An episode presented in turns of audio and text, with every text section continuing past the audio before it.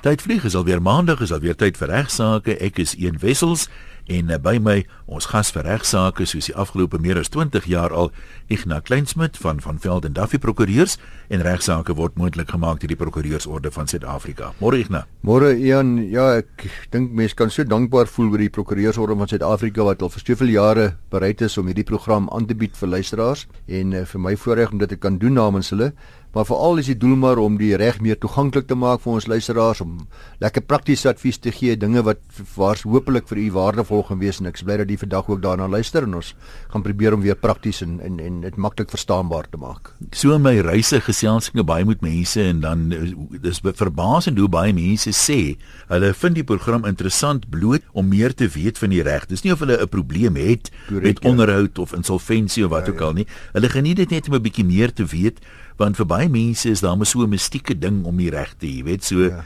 om dit meer toeganklik te maak vir mense dink ek is 'n is 'n edel doelwit en as hoe meer mense mense bemagtig, hoe meer kan hulle ingeligte besluite neem, hoe meer is hulle bewus van slaggate waarna hulle nie moet trap en so aan nie so lekker om betrokke te wees by die program. Ja, baie dankie ook aan al die mooi briefies wat ons kry en die mooi boodskappe wat ons kry wat sê dankie vir die program. Ons waardeer dit regtig. En interessant is ook ek kry baie baie kere uh komplimente van ons kollegas, prokureurs, advokate en ook selfs regters wat na luister. En die rede daarvoor is dat in die regspraktyk spesialiseer ons. Anderswoorde later is jou spesialiteitsgebied is jy 'n spesialis op daardie gebied en jy wil graag nog so ietsie weet van al die ander gebiede. En ons dat soos jy weet, een dekke baie wye regsgebied. Absoluut alles en nog wat.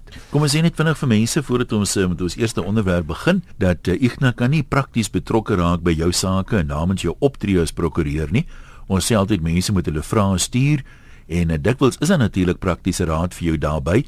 Maar uh, die doel van die program is om daai feite stel wie jy vir ons stuur te gebruik om algemene beginsels te verduidelik en die publiek oor die algemeen te bemagtig. So mense wat in die knyp is en dringend 'n prokureur nodig het om namens hulle op te tree, Ignas Raad is gewoonlik maar gaan na 'n prokureur toe naby jou. Dis uh, baie geriefliker. Hy kan nie landwyd by almal betrokke raak nie en dan kan hy prokureur vir jou al die vrae vra en uh, dokumentasie wat nodig is en so aan. As jy vrae het of voorstelle het vir onderwerpe, stuur dit sommer direk vir Ignas. Sy adres is igna@ffd.co.za. Ja, dankie heer en daai prokureur naby nie is waarskynlik ook baie slimmer as ek. So gaan Riewers na hom toe. Dit sal beter beter baat. Uh ek het 'n briefie gekry wat uh die persoon sê heeltemal dink ek slim om te sê wil anoniem bly. Hy sê ek het 4 jaar gelede die sypaadjie getref so 10:00 die aand. En te voet of met die motor? Nee, met die motor. Hy sê en direk was die polisie ongelukkig toevallig teenwoordig. Ek het 'n paar wyne gebruik op my seun se kuier uit Londen. Ek was moeilik met beamptes waarna hulle my bloed laat trek het by die hospitaal en my toegesluit het vir die nag. Die versekerer my kom sien en ek het aan hulle meegedeel dat ek nie 'n eis gaan instel nie. Ek verseker dat ek sou aangekla word van dronk bestuur. Ek besef dat die eis nie geldig sou wees teen my versekeraar nie. Was 'n splinternuwe motor van 650 000 rand. Ek het toe kar verkoop teen 180 000 rand na stoorgelde ensovoorts eers betaal moes word. Ek is tans 64 jaar oud en benodig geld. My vraag is die volgende: Aangezien ek na 4 jaar niks gehoor het van die bloedalkohol uitslag nie en niemand my na 4 jaar gekontak het nie, kan ek seker aanneem dat die uitslag verlore is. Indien wel, kan ek nou steeds eis by my versekeraar instel na 4 jaar. As ek niks nou hulle genoem het nie, sou hulle sekerlik uitbetaal het. Ek is nie so seker daarvan. My probleem is hoe om die saak te hanteer of ek miskien kan uitvind of bloed weggeraak het voor ek voortgaan dan vra ek asseblief om dat weet wanneer kan hy die bespreking verwag en kan ongelukkig nie dit laat weet nie. Ekskuus, ek sien nou die snaakse kant hier van gestel nou jy rig nou 'n navraag aan die polisie en ja. jy skryf hulle 'n briefie en sê bevestig net dat my bloed weg is asseblief. Ja. Nee, die eerste ding Ian is dat dit is hartseer en is eintlik half tragies om te weet watter beweerde totale chaos daar op 'n stadium bestaan het by die mense. Hulle is absoluut oorwerk en daar's beweringe van baie lang lang uitstelle en vertragings om hierdie bloed alkoholpersentasies, die bloeduitslae te verkry vanaf die laboratoriums in Suid-Afrika.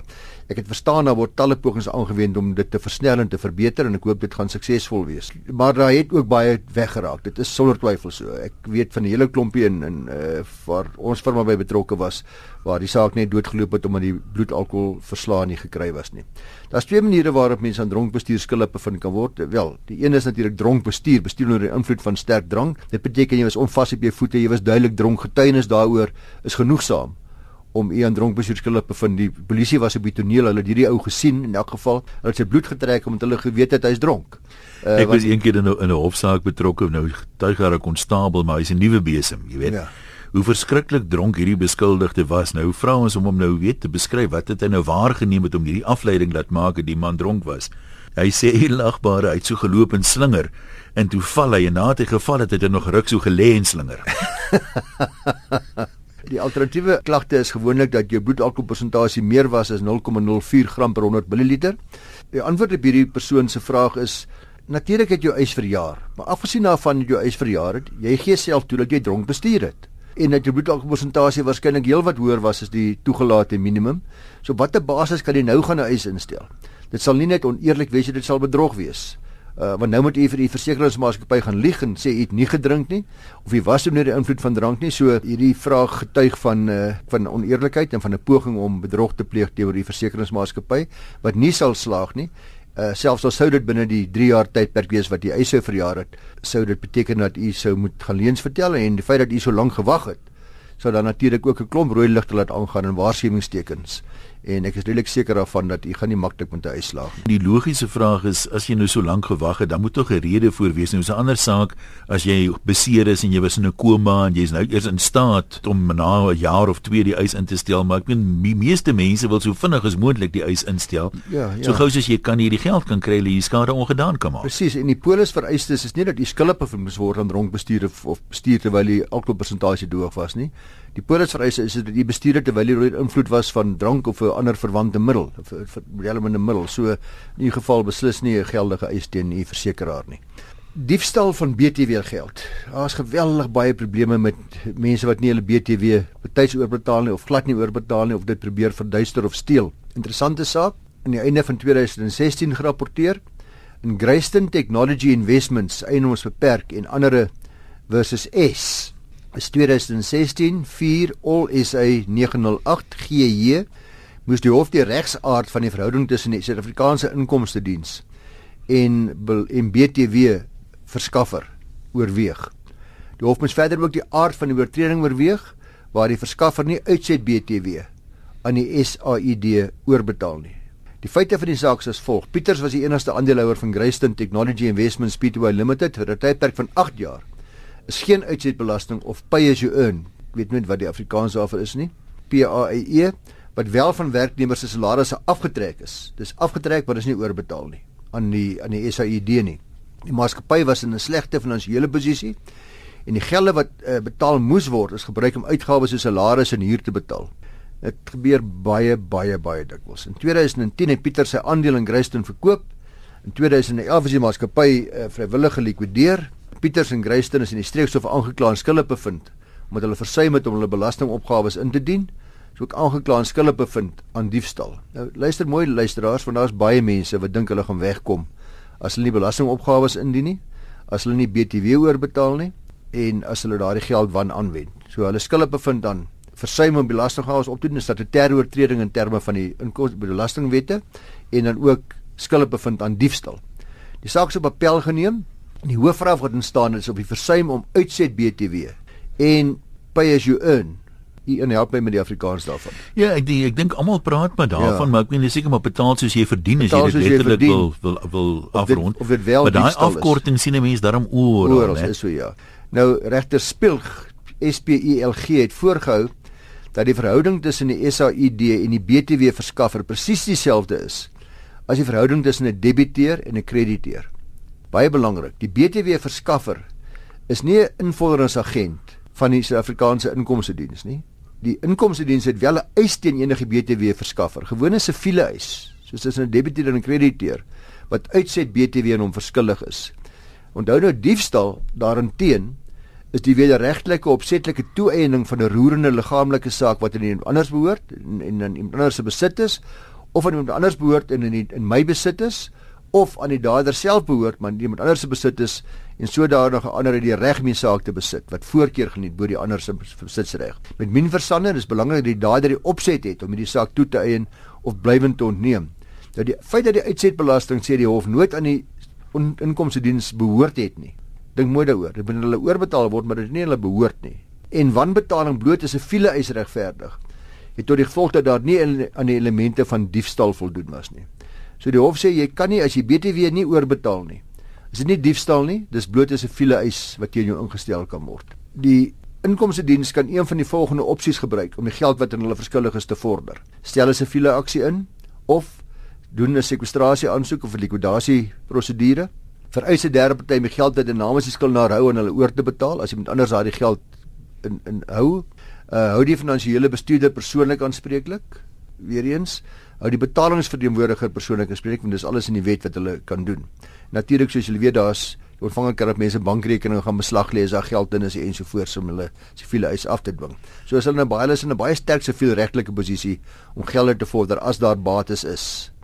Wanneer dit kom by pay as you earn, kom daar egter 'n ander verhouding tot stand sê die hof. Onthou BTW lyk vir my is nou nie so ernstig nie, hmm. want dit is siviel. Dis vir my amper snaaks dat daar nie 'n weet baie van hierdie wette het 'n bepaling en sien enige persoon wat versuim het dit te doen is 'n misdrijf skuldig. Ja, dat daar nie so 'n bepaling nee, is nie. Baie waar.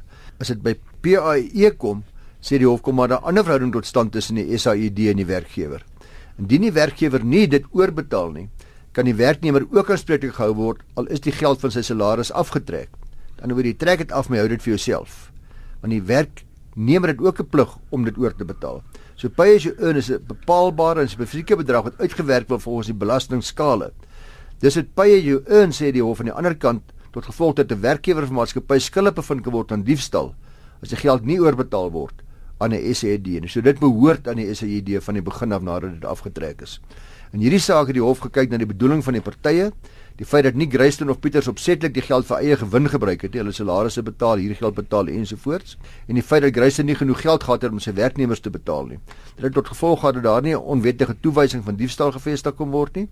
Die staat het ook nie in hierdie saak ongelukkig bewyse gelewer dat die salarisse betaal is dat die PSU ingelde aan SARS verskuldig was nie. So as hulle dit wel gedoen het, dan sou dit diefstal daar gestel het. Daar's verskeie kriminele en administratiewe strawe sê die hof wat toegeken kan word in die geval waar PSU nie oorbetaal word nie.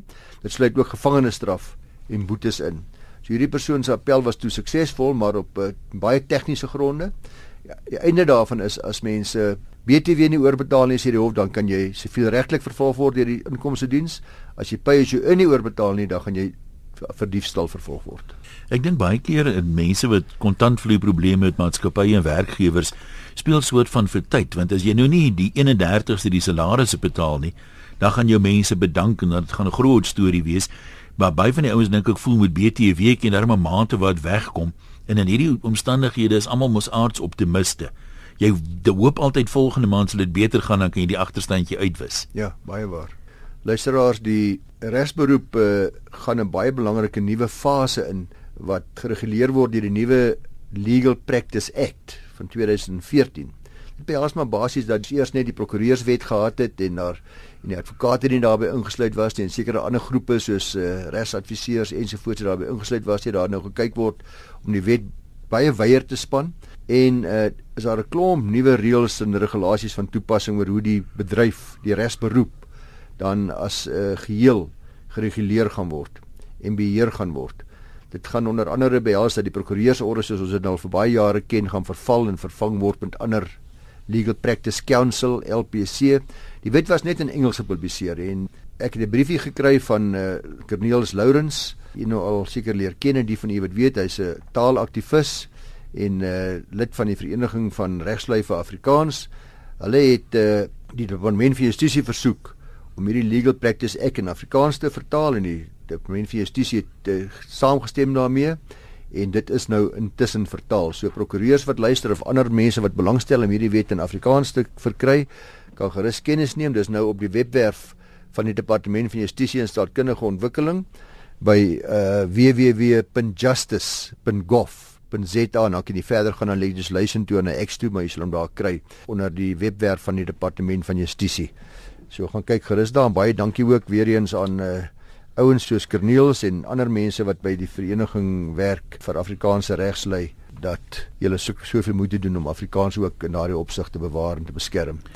Ek onthou in die ou dae het hulle gesê is daar 'n botsing is tussen die Engelse en die Afrikaanse weergawe ja, van wet. Ja. Dan is dit die een wat die onderteken is. Staatspresident onderteken hom, dis die een wat dan geld, ja. Maar hier, ek meen deesdae dink ek is dit baie minder dit in twee tale kom. So as daar 'n botsing is, kan 'n mens maar aanvaar die Engelse een sal die voorkeur ja, kry. Die meeste wetgewing word deesdae net in Engels gepubliseer, nou en dan nog in Afrikaans, maar dit sal die een wees wat deur die staatspresident onderteken is. Die hele kwessie van 'n lasbrief vir arrest vermindering van die hof waar 'n persoon versuim om onderhoud te betaal. Nou, as ek net vir jou sê, Ian, by verre weg die meeste klagtes wat wat uh, briewe wat ons kry op hierdie program, dit gaan handel oor onderhoud en so ons gaan eendag van tyd weer 'n behoorlike program aanbied oor onderhoud. Ons doen dit so eenmal 'n een jaar, tydjie sê as tweemal as gevolg van die magdom vrae wat ons kry. Maar hier's 'n baie interessante saak uh, gepubliseer nou pas in 2017 gedurende die lang egskeidingsgeding tussen die partye AG versus DG Dit is 2017 en hakies 2 SA409 GJ. Hierdie applikant, dis nou die vrou, aansoek gedoen vir tussentydse onderhoud vir haarself en hulle twee minderjarige kinders en die aansoek is toegestaan. Dis 'n tussentydse onderhoud vir die bekende reël 43.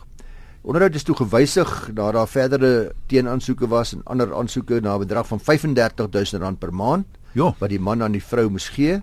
Wat ek vir jou sê, ek het al eskerings gesien en gedoen wat baie meer as dit was, maar ja, as mense wat baie geld in ons land. Ja, maar jy sien die tipe ou wat maandag aan die 2 vir die prys van een special gaan eet soos ek nie. Wekkie, wat die burger. Onderhoudsgewys het R35000 uitgesluit alle mediese opvoedkundige en ander verwante uitgawes. Die man het toe uh, die onderhoud nie betaal soos deur die hof beveel nie. Hy het aangevoer dat hy nie oor die nodige finansies beskik om die bevel na te kom nie. Dit was egter nie die ware stand van sake nie. Hy is direkteur van sewe maatskappye, multimiljonêr. Sy lewenstyl het sy vrou te bewys was 'n duidelike aanduiding van hoe wel hy eintlik is. 'n Aantal hulpbevele is toe teen hom toegestaan. Insluitende 'n minnagtingsbevel wat verband hou met sy versuime onderhoud te betaal. As ook 'n bevel toegestaan vir beslaglegging van sy onroerende bates. Dis nou sy huis en ander vaste eiendom, sowel as sy spaarbankrekening. Hierdie bevele is nooit uitgevoer nie want elke keer as dit aangesien dat elke keer teëgestaan het of net die fondse betyds getrek het voordat daar op beslag gelê kan word. So het allerlei triks gehad om hierdie eise van sy vrou te frustreer tot uh, vervelings toe. Toe in die huidige dringende aansoek wat hierdie uh, saak nou oorhandel, hierdie 2017 2 beslissing, het die vrou toe weer aansoek gedoen vir betaling van die agterstallige onderhoud, weer aansoek gedoen vir 'n mindagtingsbevel as ook 'n uitreiking hierdie keer vir 'n lasbrief vir die arrestasie en aanhouding van die respondent as gevolg van sy gedurende weerbarstige of frustrerende houding. En dit dit gevra dat hy moet in die tronk gegooi word dis indien die agterstallige onderhoud nie binne 24 uur van die bevel toegestaan is betaal is nie. Regter Spilg het die aansoek toegestaan. Het bevind dat die aansoek wel dringend was dat die respondent in ernstige minagting van die hof was as gevolg van die nie betaling van agterstallige onderhoud soos by vorige kere deur die hof beveel. Verder dat 'n lasbrief vir 'n hegtenisneming uitgereik moet word sodat die respondent gevangenes vir 'n tydperk van 5 dae sal uitdien, 5 keer 5 dae per keer, indien die lasbrief vir 'n hegtenisneming dan uitgeoefen sal word, maar eers 7 dae na die toestaan van die bevel. Dit met ander woorde, hy gaan 5 dae tronk toe. Hy het 7 dae tyd om die lasbrief uit te voer. As hy dan binne daai 7 dae nie aan die agterstallige onderhoud betaal nie, anders sal hy 5 dae die gevangenis sit. Hof bevind dat die geval waar 'n respondent versuim om onderhoud te betaal applikant geregtig is. En dis belangrik vir almal wat in hierdie situasie is. Uh dis eintlik niks niets nie, maar dis tog belangrik om kennis daarvan te neem dat waar iemand versuim om onderhoud te betaal, applikant geregtig is om onmiddellik voort te gaan met die uitreik van 'n lasbrief eksekusie of om 'n bevel onmiddellik deur die onderhoudshof af te dwing. Alhoewel nie alle aansoeke vir betaling van agterstallige onderhoud gegrond is op minagting van die hof en dit altyd dringend is nie, het die huidige aansoek van selfsprekend dringend geword omdat die applikant die fondse se fondse uitgeput geraak het terwyl die respondent die geld wegsteek en, en wegvat waar dit ook al was. Die afdwinging van die hofbevele frustreer. Belangrik is ook luisteraars, die hof sê weer eens soos ek al voorheen gesê het op hierdie program en ek ek wens sou al die prokureurs ook mooi daarvan kennis neem dat wanneer 'n mens sê nou maar jy kry nou R5000 'n maand en na 2 of 3 of 4 maande raak jy nou moedeloos, al wat jy prokureur hoef doen, al wat jy hoef te doen as jou man bates het, is om 'n lasbrief eksekusie te laat uitreik hierdie hof bevestig weer eens jy kan dit dadelik doen. Anders jy hoef nie eers weer deur 'n hof na hof toe te gaan nie. Jy reik 'n lasbrief uit en jy gaan lê beslag op sy bates.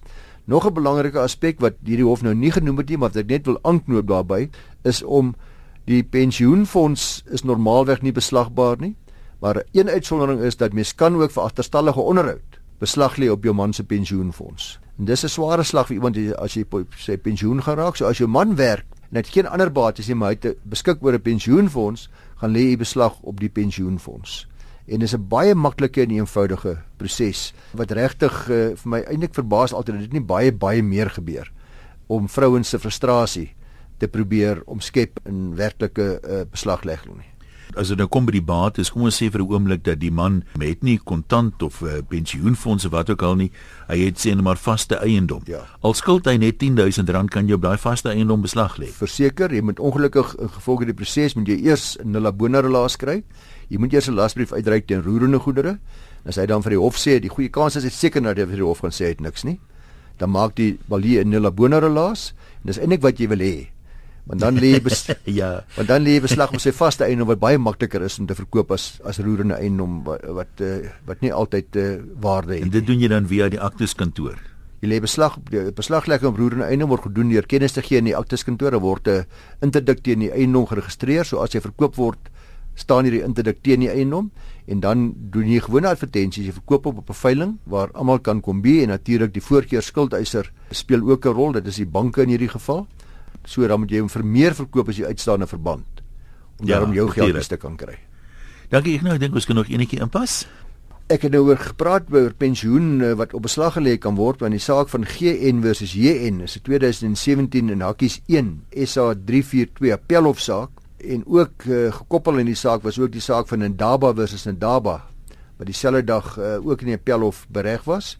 In die GN versus JN saak was die man en vrou getroud binne gemeenskap van goedere. In 2012 het die partye geskei en 'n eskeringsbevel is toegestaan waar die skikkinge bevel van die hof gemaak is. Die skikkingsakte het voorsiening daarvoor gemaak dat al die roerende en onroerende bates van die gesamentlike boedel in gelyke dele verdeel word. Eenvoudig, alles wat ons het word gelykop verdeel. Maar dit gebeur ongelukkig ook gereeld. Daar's geen melding gemaak van enige pensioenfonde nie. Dis eienaardig hoe wanneer mense hier uitwys vir 'n kontrak opstel, net om 'n idee te gee. Nou kom nie party by my en sê ons wil ons wil trou trou buite gemeenskap vir goed. Maar ons wil die aanwasbedeling van toepas maak. Sê goed, elkeen moet nou 'n lysie van sy of haar bates maak. Dan sê die man hy het nou hierdie en hy het 'n huis en hy dit en dat. Tel ons dit op, dis nou 'n miljoen rand. Sy sê begin bedrag wat hy mee gaan trou en die vrou kom en sê sy het 'n motor en 'n dit en 'n dat en dis 500 000 rand. Argument van Dalbert. Dit word in die huweliksvoorwaarde kontrak uitgespel sodat wanneer hulle eendag skei, daardie bedrag afgetrek kan word om die aanwas te bereken. En elke keer as ek vir hulle vra my het julle nie pensioenfonds nie. So, o oh, ja ja ja, o gits nee. Heeltemal vergeet, die man werk al 13 jaar by dieselfde werk en daar's 'n geweldige groot pensioenfonds. So mense in hulle agterkoppe beskou dit nie as een van hulle bates nie, omdat dit nie altyd uh op die voorgrond is nie. Ja. Maar is presies wat in hierdie geval gebeur het, so daar word er nog geen voorsiening gemaak in die eskeringsbevel spesifiek word die pensioenfonds nie gemeld nie. Gesamentlike boedel is toe nie verdeel nie. En die vrou het weer die hof genader. Sy hoor jy was nog nie goed verdeel nie. Stel nou 'n liquidateur dan asseblief hof want ek en my man kry dit nie self verdeel nie. Gebeur dikwels. Daar's allerlei geskille oor waar is die hoenders en waar is die beeste en waar is dit en waar is dat en wie wat het van die klavier geword en al die soort van dinge. Die boedel is nooit verdeel en die vrou het weer die hof genader vir die aanstelling en gevra dat sy ook geregtig is op die ander helfte van die gade se pensioen. Die man het beswaar hierteen aangeteken om die basis daar nooit melding van die pensioen gemaak is nie en die pensioen in die skikking of in die hofbevel genoem was nie. Die hof het toe na artikel 77A van die wet op egskeidings gekyk wat onder andere bepaal dat die voordele waartoe 'n party geregtig is in 'n egskeiding wel altyd die pensioenbelang sal insluit behalwe natuurlik as dit uitgesluit word. Die artikel beskou dis 'n pensioenbelang as deel van die gesamentlike boedel vir die doel om die voordeel van partye te bepaal waartoe elkeen geregtig is tydens sy egskeiding. Dit sal onbillik wees teenoor die skema en teenoor artikel 77A indien die pensioen slegs deel vorm van die gemeenskaplike voordeel as die hof in 'n bevel daarvan melding maak. So die hof sê is net soos enige ander bate. Artikel sê spesifiek dis deel van die gemeenskaplike boedel. Die hof bepaal dat dit nie nodig is vir partye om melding te maak van goed wat voor die hand liggend is in die skikkingsakte nie. Met ander woorde, die pensioen sal altyd deel vorm van die partye se gemeenskaplike boedel wat gelyk tussen hulle verdeel moet word en uh, die hof sê die taal van hierdie artikel 77 is baie duidelik in hierdie verband. So ongelukkig moes die man ook afstand doen van die helfte van sy pensioenbelang. Ek nou ek dink nie ons gaan uh, kans hê vir uh, meer in hierdie program nie. Kom ons eindig net weer deur te sê jy kan jou regsvrae vir bespreking op die program kan jy rig aan Igna direk by igna@ffd.co.za. Elke program van regsaake is ook as potgooi beskikbaar op RSG se webwerf rsg.co.za. Klik op potgooi bo in die bladsy, gebruik regsaake as jou sleutelwoord, dan kan jy rustig weer luister en als uh, afskryf wat jy wil, en notas neem en die program word moontlik gemaak deur die Prokureursorde van Suid-Afrika.